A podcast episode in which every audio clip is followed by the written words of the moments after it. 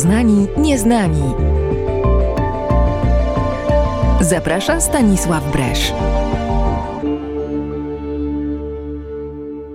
Dzień dobry, tu audycja Poznanie Nieznani. Ja nazywam się Monika Czajka i jestem jedną z wolontariuszy, którzy w te wakacje pojadą na grecką wyspę Lesbos, by pomagać uchodźcom w obozie Moria. Jesteśmy w kurii diecezji koszalińsko-kołobrzeskiej, ponieważ tak się składa, że pochodzę właśnie z diecezji koszalińsko-kołobrzeskiej, a jednym z moich biskupów jest przewodniczący Rady Komisji Episkopatu do spraw migracji, turystyki i pielgrzymek, biskup Krzysztof Zadarko. Szczęść Boże. Witam, szczęść Boże. Księże biskupie, my spotkaliśmy się jakiś czas temu, ponieważ opowiadałam mi księdzu, że wybieram się właśnie na wolontariat na Lesbos i w mojej głowie zaczęły się pojawiać pewne wątpliwości po tym, jak zaczęłam mówić o tym moim znajomym. To znaczy, pierwsze pytanie i w sumie to, które najczęściej się pojawiało, było, czy się nie boję. Ja na początku nie miałam takich obaw, ale rzeczywiście jak tych pytań zaczynało się coraz więcej, to zaczęłam się zastanawiać, czy rzeczywiście powinnam się bać. I też z takim pytaniem przyjechałam do księdza biskupa. Powinniśmy się bać, oczywiście, bo to jest bardzo trudna sprawa i związana z mnóstwem niebezpieczeństw, które y, na odległość, jeżeli znamy je tylko z przekazów medialnych, a tylko takie do nas docierają. Przeciętny obywatel w Polsce raczej nie ma żadnego kontaktu z uchodźcami. W Polsce przyjmuje się może po kilka, kilkanaście tysięcy wniosków złożonych przez obcokrajowców przekraczających nasze granice i składających je, aby uzyskać status y, migranta, uchodźcy, czy y, przynajmniej status ochrony międzynarodowej, ale średnio od kilku lat taki status otrzymuje około 300 osób. Z tych 300 niewielu zostaje w Polsce. Bardzo często jest tak, że Polska jest dla wielu migrantów legalnych czy nielegalnych takim krajem tranzytowym.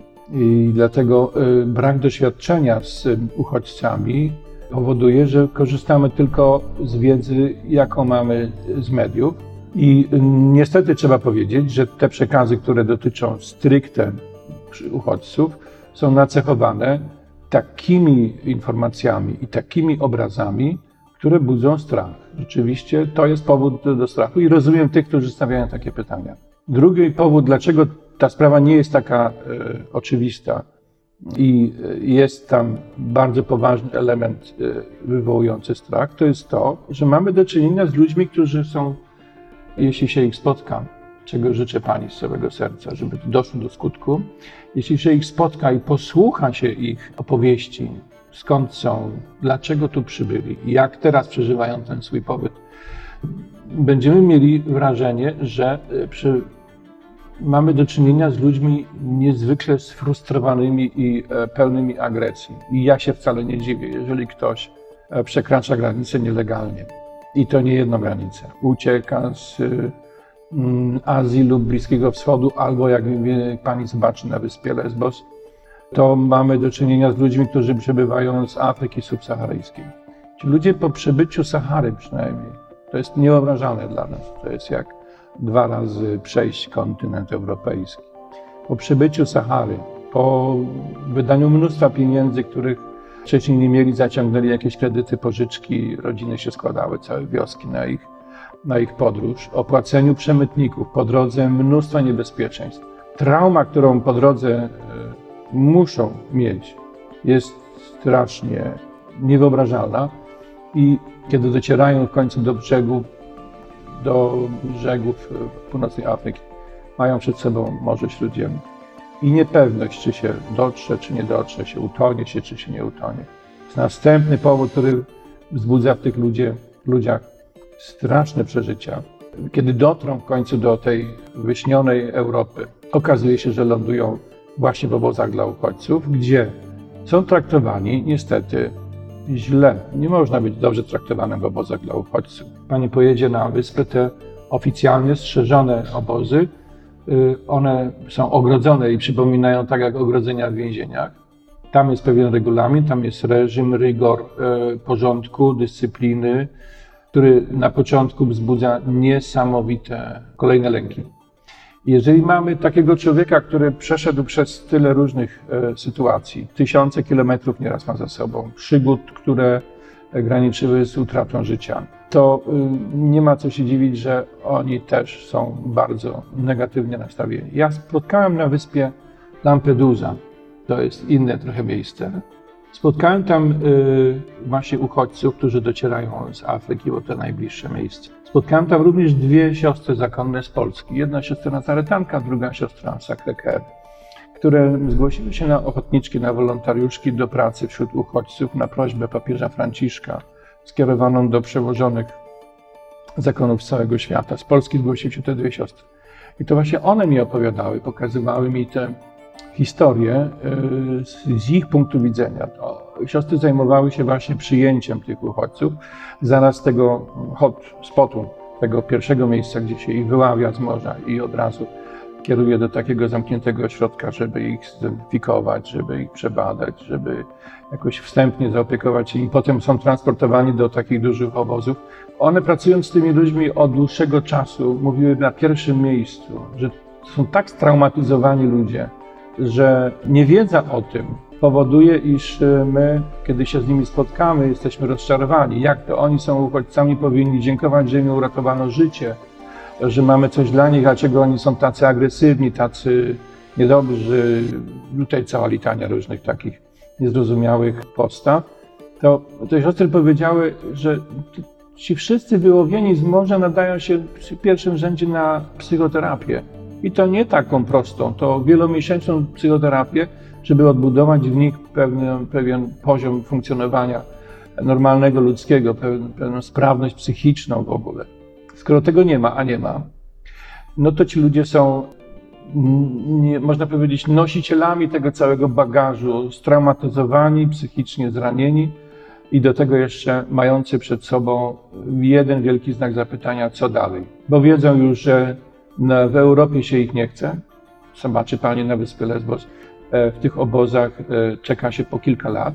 E, nie dlatego, że są to sztucznie tworzone bariery, procedury są takie i mi się wydaje, że częściowo uzasadnione. Tych ludzi naprawdę nie wolno wpuszczać tak zupełnie naiwnie i bez pytania skąd są, dlaczego są, co mają za sobą, jakie życiorysy. To wymaga czasu.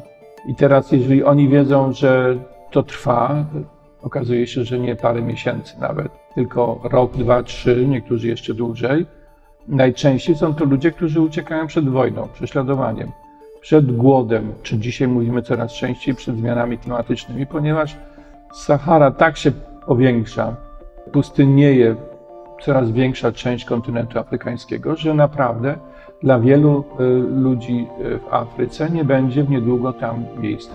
To wszystko sprawia, że, że można powiedzieć, y, mamy do czynienia z jakimś niesamowitym ładunkiem złych emocji, które wywołują kolejne złe emocje i kolejne złe postawy. I jeżeli ogląda ktoś, nie mając tego realnego kontaktu z uchodźcami, ogląda ktoś obrazy, filmy, zdjęcia pokazujące właśnie obcokrajowców, zwłaszcza ciemnoskórych, to ma tylko jedno skojarzenie.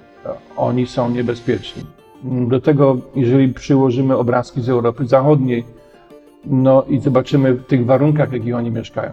Na wyspie, nawiasem mówiąc, Lesbos i Samos, to są warunki, które sprawiają, że człowiek staje się coraz bardziej agresywny, czuje się upodlony, czuje się traktowany jak śmieć. Papież Franciszek bardzo często mówi, że to jest współczesna kultura subkultura cywilizacji bogatych, które traktują ludzi jak śmieci, których można wyrzucić o, do takiej dżungli, takiego śmietniska, które sobie urządzili. To wszystko sprawia, że rzeczywiście mamy do czynienia z bardzo dużym e, pomieszaniem różnych obrazów, wersji e, i wrzuconych wszystko do jednego hasła uchodźcy. Wspomniał ksiądz biskup, że kilka razy był w, w, obozach dla uchodźców, rozmawiał z różnymi ludźmi, wolontariuszami, nawet też z uchodźcami. Ja chciałam się zapytać, czy wizyta w obozie zmienia coś w życiu człowieka, czy w życiu biskupa? Co takiego, jakie przemyślenia, z jakimi przemyśleniami później taka osoba wraca do kraju? Na pewno na pierwszym miejscu e, zmienia, czy może pogłębia bardziej chyba to wiarę słowa papieża Franciszka, który y, jako pierwszy papież zwrócił w ostatnich latach zwrócił uwagę na fakt mm, uchodźców jako zjawisko i który powiedział: To nie jest zjawisko, to są ludzie. Ponieważ jest to masowe zjawisko. Proszę pamiętać, że obecnie szacuje się, i mimo pandemii, wzrost liczby uchodźców. Jeszcze niedawno mówiło się o 60 milionach, 70. Teraz czytam w raportach organizacji międzynarodowych zajmujących się uchodźcami, że ta liczba już jest ponad 80 milionów. To jest rosnąca liczba ludzi uciekających, uciekających z różnych powodów, ale uciekających. I y, kiedy papież mówił, że to nie są zjawiska, tylko to są ludzie, to rzeczywiście kontakt z ludźmi w obozach dla uchodźców aż za bardzo na, unaocznia, jak to się mówi, y, tę prawdę. To są ludzie, którzy mają ze sobą konkretne życiorysy, mają konkretne e, trasy ucieczki, którzy mają, zostawili swoje rodziny. E, zwykle to są młodzi, zdrowi, bo tylko tacy, psychologia emigracji jest jednoznaczna, tylko tacy ludzie są w stanie pokonać tysiące kilometrów i wszystko to, co po drodze jest, zwłaszcza niebezpiecznego. I kiedy słucha się tych ludzi, to zaczyna mm, przemawiać bardzo mocno. To jest konkretny człowiek, który jest w największym niebezpieczeństwie, bo uciekł przed wojną, przed śmiercią, czy uciekł przed głodem. Y, I ten człowiek y, dla człowieka wierzącego staje się rzeczywistym, realnym wyzwaniem, w którym, o którym Chrystus mówi: Byłem e, przybyszem, a przyjęliście mnie. Proszę pamiętać, że w Ewangelii jest napisane, w tekście oryginalnym języku greckim, jest napisane: Byłem ksenos, a przyjęliście mnie, albo nie przyjęliście mnie. Z Ewangelii Świętego Mateusza, 25 rozdziale. Nasz stosunek do uciek uciekających, do obcych w ogóle, pojawiających się w przestrzeni naszego życia, jest pewnym wyznacznikiem naszej postawy chrześcijańskiej i prawdziwości albo nie. No i też ostatecznie, ponieważ to jest przypowieść o sądzie ostatecznym, proszę pamiętać, że to będzie rozstrzygało o naszej wieczności. I to e, na pierwszym miejscu, ten realizm, e, że spotykam człowieka, który jest właśnie w takiej sytuacji, jest tym obcym, jak ja teraz wobec niego się zachowam, jest takim, tak mocny, że potem z tym się już idzie. Tego nie można już nie zauważyć. Oczywiście, że wtedy pojawiają się również refleksje, no, że to zjawisko, że to jest problem, który nie jest taki jednoznaczny, bo to nie jest tylko człowiek, bo to kiedy jest ich miliony, kiedy wiemy skąd oni przybywają, że to są bardzo często ludzie z krajów arabskich, czyli przy, przynoszą ze sobą islam, tamtejszą kulturę. Cała masa problemów, która za chwilę przychodzi jako takie opamiętanie, prawda? A, zaraz, zaraz, to nie są tylko ludzie, to są również E, ich światy, które przynoszą ze sobą. I to mm, jest też owoc właśnie pobytu w obozach. E, to skłania do naszej refleksji, do, do zastanowienia się, jaki jest mój stosunek do innych światów, jaki jest mój stosunek do innych religii, do innych kultur, czy ja w ogóle na ten temat coś mam do powiedzenia, co ja na ten temat wiem. E, I myślę, że to, to co najbardziej chyba uderza, to, to dopóki się tego nie zrobi, to znaczy dopóki się nie stanie oko w oko z uchodźcą. Dopóki się nie wejdzie w jego świat, dotąd e, będziemy posługiwać się tylko stereotypami i tymi powierzchownymi opiniami. Jeszcze raz zaznaczam, częściowo słusznie, no, gdzieś tam umiejscowionymi w kontekście lęków. Każdy obcy wywołuje lęk. Jest proste. E, naiwnością byłoby mówić, że mm, nie powinniśmy się bać w ogóle obcego. Wręcz przeciwnie, właśnie na tym polega wyzwanie. Teraz Pobyt y, w obozie dla uchodźców, zwłaszcza w tych y, dzikich obozach. Proszę pamiętać, że na tych wyspach, y, teraz po pożarze zarówno na Lesbos, jak i na Samos, mamy właściwie zniszczone te obozy i zbudowane nowe. Nawet jeszcze nie tyle zbudowane, co dopiero się budują. Oni są teraz w takich prowizorycznych namiotach, ale już są budowane takie na kilka tysięcy, które są zbudowane z kontenerów to powoduje, że w takim momencie mamy do czynienia y, z czymś trwałym. Czy to nie jest przejściowo, że to nie jest coś, co się za chwilę rozwiąże i ten problem, ciężar, lęk znikną. Nie, one będą cały czas. I to jest y, dla mnie taki kolejny wniosek, który wtedy tam pamiętam, jakoś przy rozmowach nam się udało tak jakoś sformułować. To nie są sytuacje chwilowe, przejściowe, to jest coś, co za chwilę będzie na stałe obrazem przynajmniej naszych granic europejskich. I mm, świadomość tego, że to będzie trwało, zmusza do szukania refleksji. I mhm. co to dla nas znaczy? dla Europejczyków czy dla chrześcijan. Dwa, gdzie szukać rozwiązania.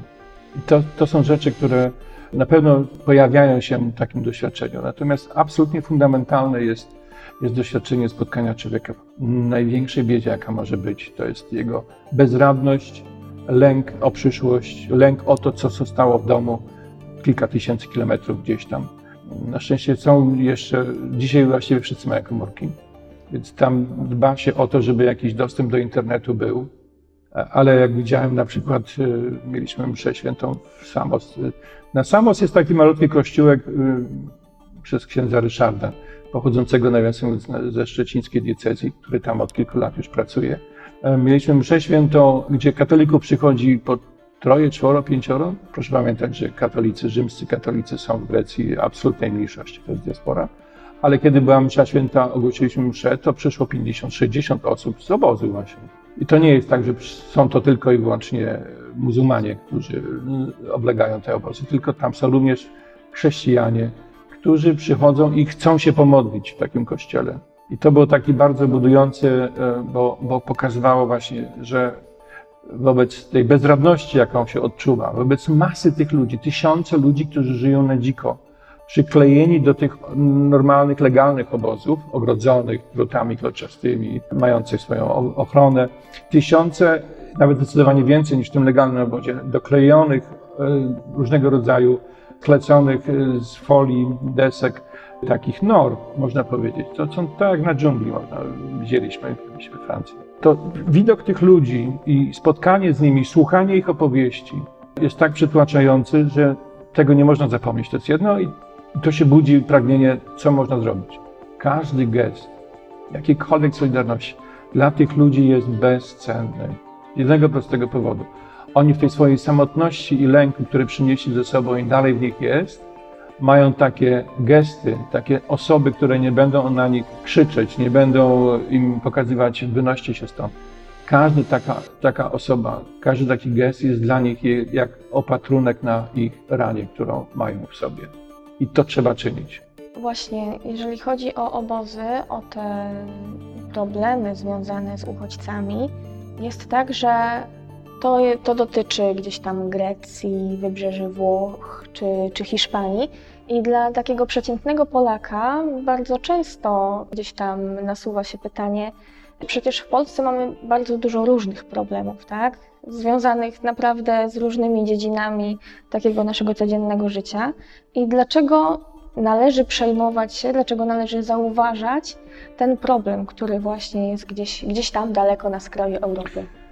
Pierwsze dlatego, że jesteśmy chrześcijanami, to dla nas jest dla nas najważniejsze, że Pan Jezus powiedział, iż mamy wobec obcych zachować się tak jak, e, zresztą to nie jest nowość Ewangelii, w Starym Testamencie mamy u Żydów tak samo e, do dziesięciu przykazań dopisane również przykazanie, aby być otwartym na cudzoziemców, nie wygonić ich, e, nie wykorzystywać, tylko traktować jak bliźnich.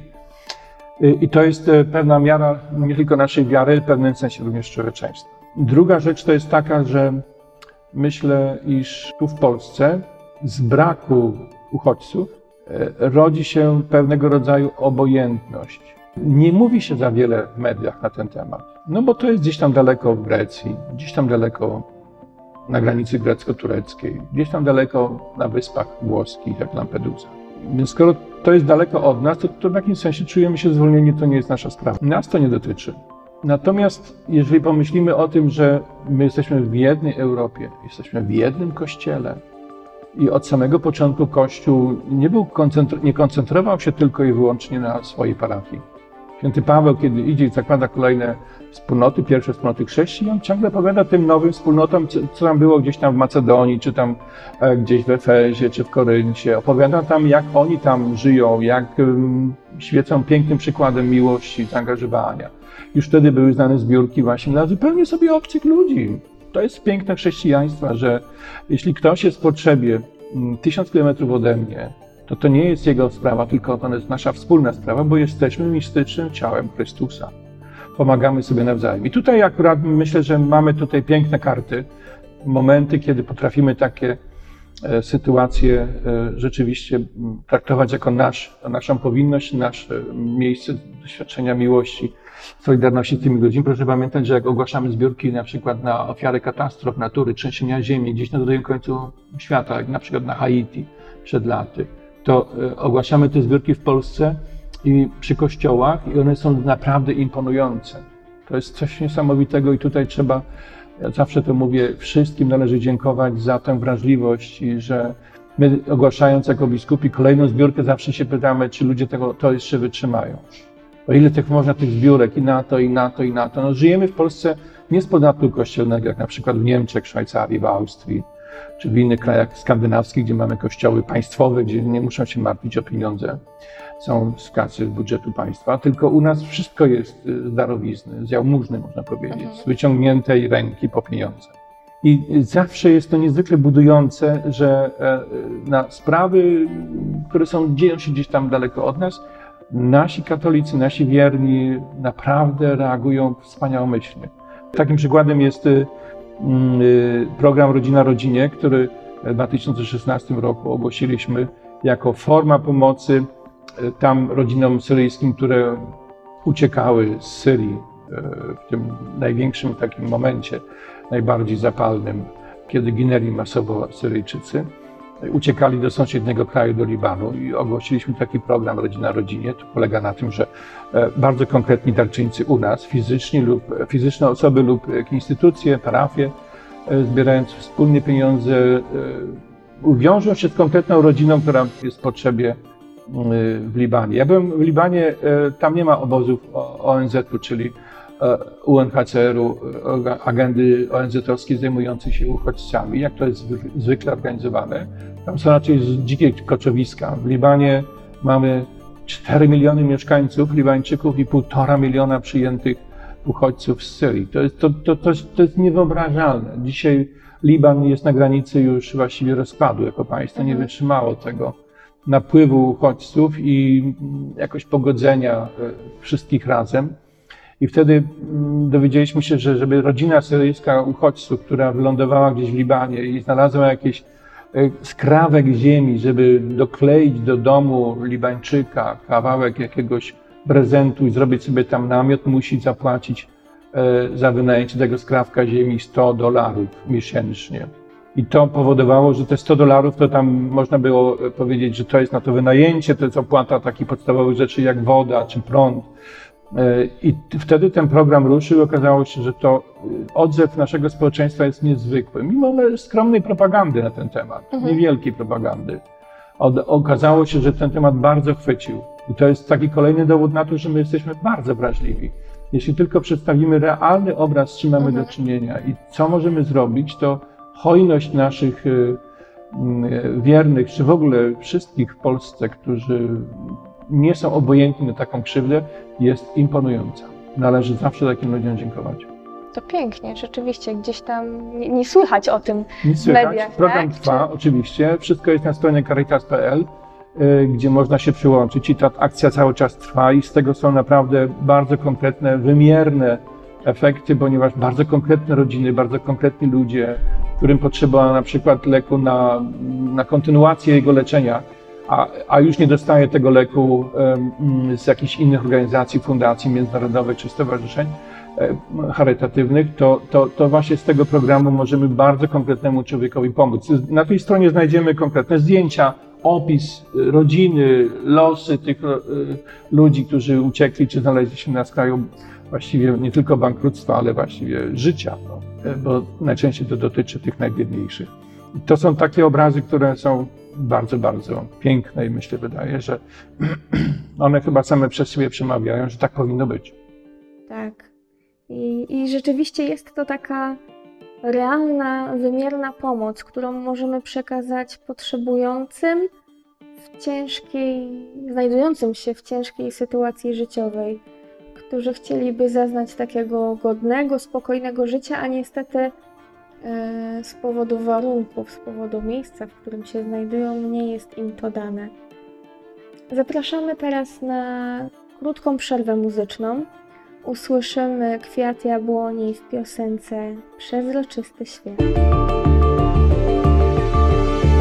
Poznani Nieznani.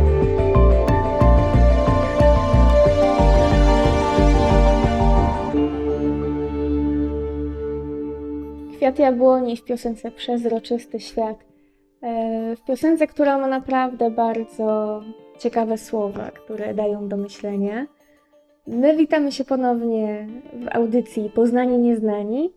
Rozmawiamy dzisiaj z księdzem biskupem Krzysztofem Zadarko o tym, e, kim są uchodźcy, czego ten problem dotyczy i jak możemy im pomóc. Ksiądz biskup wcześniej mówił właśnie, że, no, że dalej do tych obozów będą przybywać ludzie, tak? Że to raczej, e, raczej tego nie zatrzymamy. No i właśnie, Polska tutaj decyduje się na, jak już ksiądz biskup powiedział, słuszną pomoc na miejscu. Ona jest bardzo ważna, bardzo potrzebna, ale ona nie jest jedyną odpowiedzią, jaką możemy w tym momencie udzielić. No właśnie. Często też e, ksiądz biskup mówi o korytarzach humanitarnych. Co to Tak, korytarze humanitarne to nie jest oryginalny pomysł, to jest stary pomysł reagowania na kryzysy humanitarne, zwłaszcza właśnie takie katastrofy, które, które gdzieś tam są y, skutkiem wojny. A więc kiedy mamy już tysiące, dziesiątki czy setki tysięcy ofiar wojennych, którzy uciekają przed śmiercią. I korytarze humanitarne są rozwiązaniem stosowanym przez wiele państw i organizacji międzynarodowych, charytatywnych, pomocowych aby uratować e, z obszaru najbardziej zagrożonego, gdzieś tam rzeczywiście, gdzie już nie ma szansy na przeżycie, e, takie transfery ludzi, mm, przewóz ludzi w bezpieczny sposób, dlatego to nazywa się korytarzem, e, w bezpieczny sposób z miejsca niebezpiecznego do bezpiecznego. To jest bardzo skomplikowana, ale realna e, forma pomocy, e, gdzie przy pomocy e, służb, e, bo tu muszą być zaangażowane służby, e, to jest sprawa najczęściej międzynarodowa, więc trzeba z jednego państwa do drugiego państwa przetransportować ludzi. Trzeba być pewnym, że nie transportujemy jakichś terrorystów i niebezpiecznych ludzi. E, I trzeba mieć pewność, że rzeczywiście to są ci najbardziej potrzebujący. A więc ci, którzy naprawdę mają zagrożone życie albo z braku operacji, z braku leków, albo y, z jakiegoś jeszcze innego powodu y, mogą zginąć dzieci mm, i, i ludzie starsi, słabi. Korytarze humanitarne są dzisiaj rozwiązaniem stosowanym na przykład przez wspólnotę San Egidio.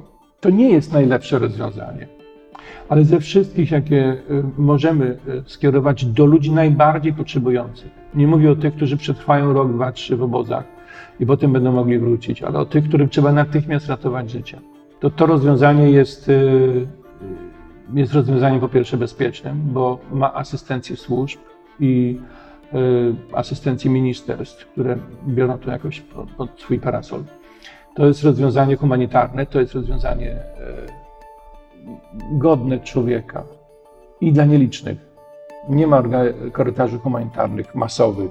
Proszę pamiętać, że e, pierwszy korytarz humanitarny, jaki San Egidio zorganizowało z Syrii czy z Libanu do Europy, Rzymu, to było 100 osób. A więc 100 osób rocznie, 200 osób rocznie. I to, y, I to też jest y, taka sprawa, która wymaga niesamowicie logistycznie, niesamowicie dużego Mhm. nakładu pracy. I co też jest ważne, to, to jest możliwe, kiedy w kraju przyjmującym, powiedzmy jak w tym Mhm. wypadku Włoch, we Włoszech, znajdą się ludzie, którzy zechcą tych ludzi przyjąć. I tu docieramy do następnego problemu, mianowicie znaleźć takich chętnych, którzy zgodzą się przyjąć uchodźców z terenów zagrożonych wojną, czy tam, gdzie się wojna dzieje, z obozów dla uchodźców, gdzie już są nieludzkie warunki, trzeba tych ludzi ratować. Znaleźć ludzi, którzy zechcą ich przyjąć. Dwa, pomogą im znaleźć e, pracę, pomogą im znaleźć mieszkanie, pomogą im się nauczyć języka, pomogą im e, wejść w tę kulturę. Mhm.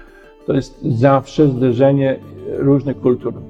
Tej bliskowschodniej, arabskiej bardzo często, do europejskiej, gdzie oni mają wyobrażenia o Europie jako o raju, w którym się tylko dostaje socjal, dostaje się właściwie wszystko, nie trzeba nawet pracować. e, Te mity natychmiast są burzone. Ale jak tym ludziom pomóc odnaleźć się w tej rzeczywistości? I, I okazuje się, że to nie jest takie proste. Ale to, co najważniejsze, zostało osiągnięte. Uratowano im życie. I dlatego korytarze humanitarne uważam, że są pewnym minimum, którym powinniśmy jakoś świadczyć, że nie jest nam obojętny los ludzi umierających w obozach dla uchodźców. Ja myślę tutaj, jak Pani pyta o korytarze humanitarne, myślę przede wszystkim o dzieciach. Kiedy byliśmy na wyspie Lesbos, jak Pani tam pojedzie, Pani też się dowie, są takie specjalne obozowiska, które, w którym umieszcza się dzieci i młodych ludzi, którzy stracili swoich rodziców i opiekunów. Mentalności e, krajów arabskich, w tej kulturze arabskiej czy, czy muzułmańskiej, e, dziecko, które traci rodziców, staje się sierotą, jest natychmiast przejmowane przez najbliższych z rodziny. Ale są tacy, którzy, o których nie wiadomo, kto jest ich rodziną nawet. Stracili swoich rodziców e, uciekając gdzieś skądś do Europy i te dzieci nie wiedzą w ogóle, gdzie są ich rodzice. Nic nie wiedzą, kto, są, kto jest ich najbliższą rodziną. Jeżeli dziecko nie jest traumatyzowane, totalnie nie mające pojęcia, gdzie ono się teraz znajduje, jest zalęknione, nie potrafi wydobyć ze siebie, to trzeba się nim zaopiekować. Ale to trwa miesiąc, drugi, trzeci. Są specjalne obozy, gdzie e, te dzieci przebywają. Tam jest problem z wykształceniem, z edukacją, bo nie ma szkół. Są jakieś formy edukacyjne prowadzone przez różne fundacje czy przez państwa Unii Europejskiej. Składają się na to, żeby tam jakaś forma edukacji była, ale idealnie byłoby, żeby te dzieci w końcu rozlokować. Przynajmniej dzieci, które e, już mają ukradzione dzieciństwo, straumatyzowane dzieciństwo. Jeżeli są już tam drugi, trzeci rok, no to czas leci. Bez edukacji, bez e, nauki, bez e, jakiegokolwiek, bez jakiegokolwiek wykształcenia i przyszłości, to mamy wraki, nie dzieci. I tutaj mam akurat e, w tym punkcie takiego kaca, ponieważ nawet na to nie byliśmy gotowi czy chętni, żeby mhm. te dzieci sprowadzić. Ja kiedy temat był poruszany, chwilowo był taki moment, kiedy temat się pojawił, zwłaszcza przez niektórych burmistrzów i prezydentów miast, to miałem zgłoszenia od, e, z różnych miejsc w Polsce, że samorządy były gotowe przyjąć dzieci. Tylko nie nam biskup pomoże ich ściągnąć. Ale tu nic nie mogę pomóc, ponieważ sprawa jest międzynarodowa. Sprawa wymaga zaangażowania Ministerstwa Spraw Zagranicznych, MSWiA i wielu jeszcze innych instytucji, które w tym momencie muszą być zaangażowane, a to było niemożliwe. I samorządy są gotowe do adopcji takich dzieci. Mhm. Są procedury, które my doskonale znamy. Wszystkie centra pomocy rodzinie miejskie, powiatowe są przygotowane do tego, żeby do, przeprowadzić adopcję dzieci również z zagranicy. Ale tu wymagana jest y, no, jakaś wola polityczna, bo to nie jest takie proste, mogę to zrozumieć i tutaj akurat podzielam te wątpliwości. Co zrobić z dzieckiem, które raptem wyląduje, powiedzmy, w jakimś samorządzie, E, otoczone zostanie naprawdę serdecznością i miłością, tylko pytanie, co dalej? Kto ma stworzyć temu dziecku tę rodzinę? Która rodzina zastępcza się podejmie, żeby takie dziecko przyjąć teraz i otoczyć miłością? Są chętni, ja mam takie konkretne zgłoszenia rodzin, e, tylko no, brakuje kogoś, kto by to wszystko gdzieś zaczął koordynować i powiedział, to mhm. ma sens. Oczywiście trzeba się liczyć z tym, że to nie do końca będzie zawsze udane, bo tutaj nigdy nie ma stuprocentowej pewności. Ale jeżeli możemy komuś dziecku uratować życie, potem uratować dzieciństwo i, i, i młodość, to myślę, że tu nie powinno być żadnej wątpliwości. I, I, sama wiedza o tym, świadomość o tym, jak to tam wygląda, ile ich czeka na to, żeby uratować im życie, to nie powiem, że spędza sens powiek, ale na pewno jest wyzwaniem czekającym na życzliwe serca.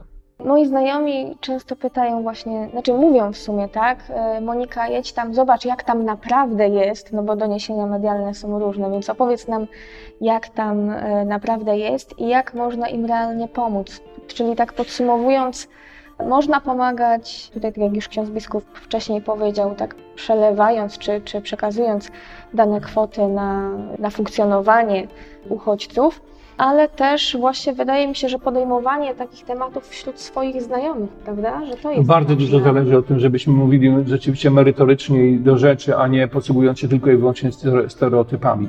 Przed nami na pewno jest pewien problem, mianowicie na ile my jako Polacy jesteśmy gotowi do spotkania międzykulturowego, czyli inaczej mówiąc, spotkania z ludźmi, którzy są z innej kultury, innej religii.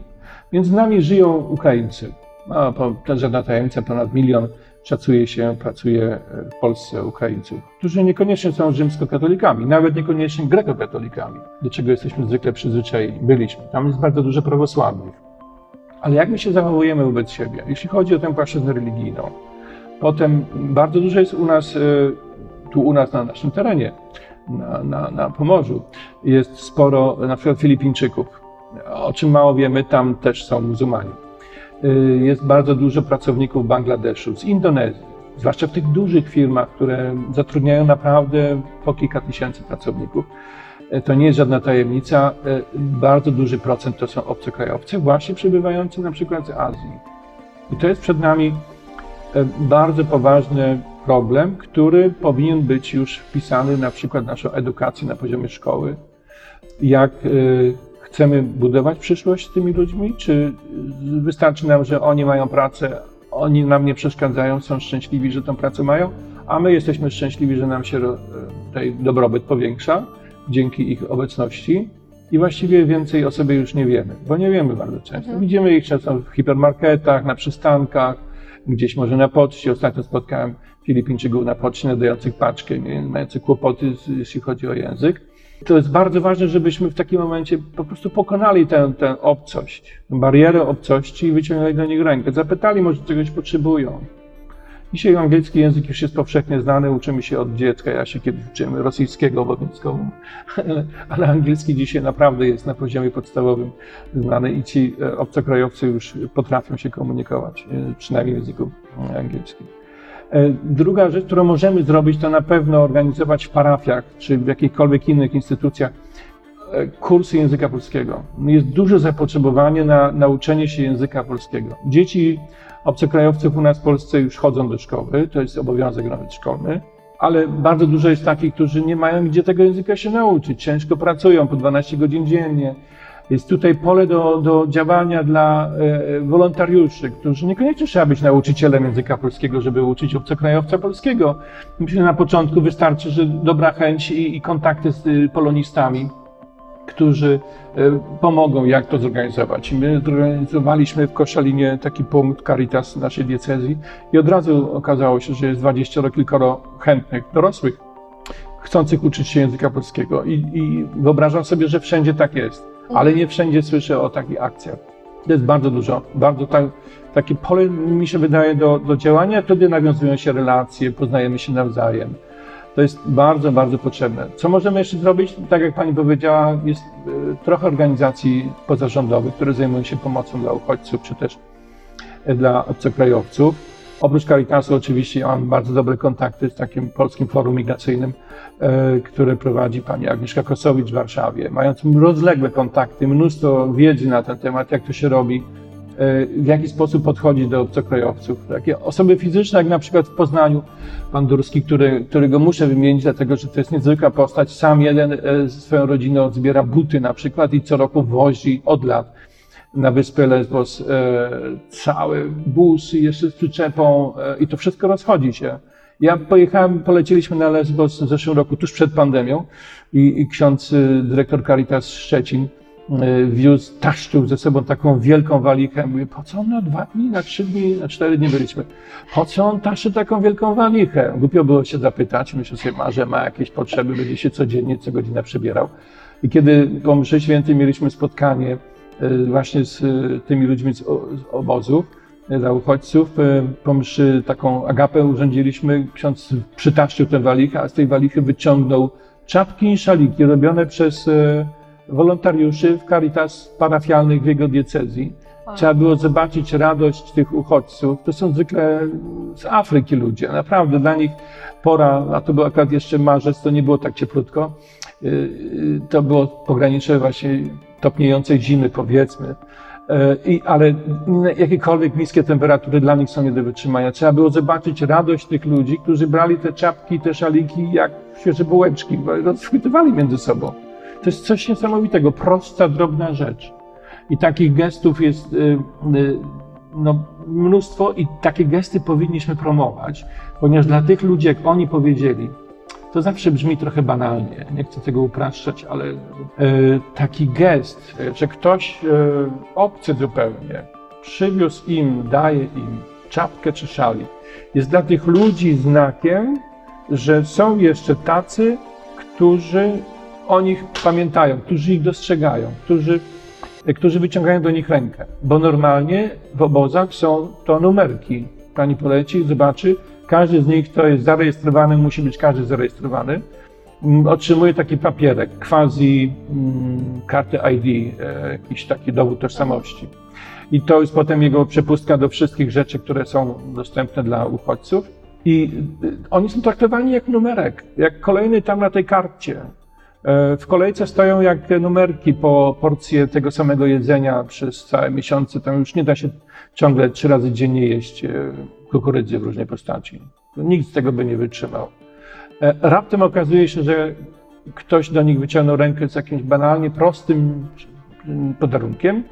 I to, jak oni mówią, to dla nas jest nadzieja, że jeszcze są na tym kontynencie ludzie, którzy nas nie pogonią, nie wygonią, nie, nie wyrzucą, nie oskarżą o najgorsze rzeczy. Jak słuchałem historii kobiety, która naprawdę miała już swoje lata, przebrnęła przez pół Afryki. No i zostawiłam w wiosce, zostawiłam e, swoją rodzinę. Moim marzeniem jest dostać się do Europy i wreszcie odetchnąć, że będę czuła się jak człowiek i że będę mogła normalnie z moją rodziną się komunikować jeśli się da, to y, również y, ich tutaj sprowadzić. I to wywołuje na przykład lęk. Jak oni sprowadzą, taki milion jak przyjechał, to sprowadzi po 4-5 osób, to będzie razem 5 milionów. Taka była logika na początku, pamiętam, w 2015 roku. Przyjdzie i tutaj 6 tysięcy, a za chwilę sprowadzą 6 milionów. To będzie islamizacja i podbój Europy. Zapominając o tym, że y, Europa staje się coraz bardziej pogańska, coraz mniej katolików i chrześcijan jest, bo poganiejemy. Ten proces sekularyzmu dokonuje się już niezależnie od tego, czy są obcokrajowcy, czy nie. Mało tego, Europa y, przeżywa gigantyczny kryzys demograficzny, a więc to też nie zależy od obcokrajowców, czy rodzą, rodzi się, nas więcej, czy nie. Proszę pamiętać, że w Polsce mamy jeden z ostatnich współczynników zastępowalności pokoleń, czy dzietności. I dzisiaj demografowie mówią, że za 50 lat będzie nas o o kilka milionów mniej. To jest bardzo, bardzo poważne zjawisko, yy, wiążące się nie tylko w konsekwencji yy, różnego rodzaju, yy, różnego rodzaju e, sprawach społecznych, ale również gospodarczych. To, to, jest, to jest temat, który moglibyśmy jeszcze mówić, mówić, mówić i wtedy by się okazało, że sprawa jest jeszcze bardziej skomplikowana, ale naprawdę naszym zadaniem jest dostrzec w tym człowieku e, człowieka, i dla nas, dla katolików, chrześcijan, dostrzec w tym człowieku brata i siostrę, jak papież Franciszek mówi. Nie liczby, nie y, zjawiska, jakieś fenomeny, one odczłowieczają. Dopóki się nie pozna życiorysu konkretnego uchodźcy czy migranta, obcokrajowca, który jest obok mnie, dotąd nie będziemy wiedzieć, z czym i z kim mamy do czynienia. Czyli trzeba poznać nieznanych i okazać Koniecznie. troszeczkę. Koniecznie wtedy zacząć myśleć nie tylko o swojej osobistej postawie, ale również o zorganizowanej pomocy albo o zorganizowanym podejściu do e, w ogóle obcokrajowców, w tym w szczególności do uchodźców. Życzę naprawdę dobrego, e, fajnego przeżycia czasu na Lesbos i czekam na wieści, jak tam jest i, i ile rzeczy, które ja przeżyłem, będzie Pani mogła potwierdzić. Ja również bardzo, bardzo dziękuję za rozmowę, bardzo dziękuję za wsparcie i za y, te wszystkie informacje cenne, też spostrzeżenia. Dziękuję. Dziękuję bardzo i życzę dobrego pobytu nie tylko Pani, ale wszystkim innym, którzy tam będą przebywać jako wolontariusze Sanegidio i Caritas Polska, bo to jest wspólny projekt. Y, I mam nadzieję, że po powrocie świadectwa, które będą e, dzięki Wam dostępne, znane, pomogą nam wszystkim może zweryfikować albo na nowo postawić e, wiedzę i, i też nasze podejście do, w szczególności do uchodźców, to jest bardzo ważne, ale generalnie do obcokrajowców. Tak jest. Też mam taką nadzieję. Dziękuję Jeszcze bardzo. raz dziękuję. Szczęść Boże. Zapraszamy na nasze media społecznościowe. Poznanie Nieznani są na Facebooku i na Instagramie. Tam można dowiedzieć się więcej informacji na temat naszego projektu, a także poznać pozostałych członków e, naszych grup, którzy w lipcu i w sierpniu pojadą na Lesbos, by tam pomagać uchodźcom w obozie Moria. A już za tydzień, o tej samej porze w audycji Poznanie Nieznani Stasiu Bresz będzie rozmawiał z kolejnym gościem, któremu temat uchodźców nie jest obcy. serdecznie zapraszamy. Do usłyszenia. Poznani Nieznani.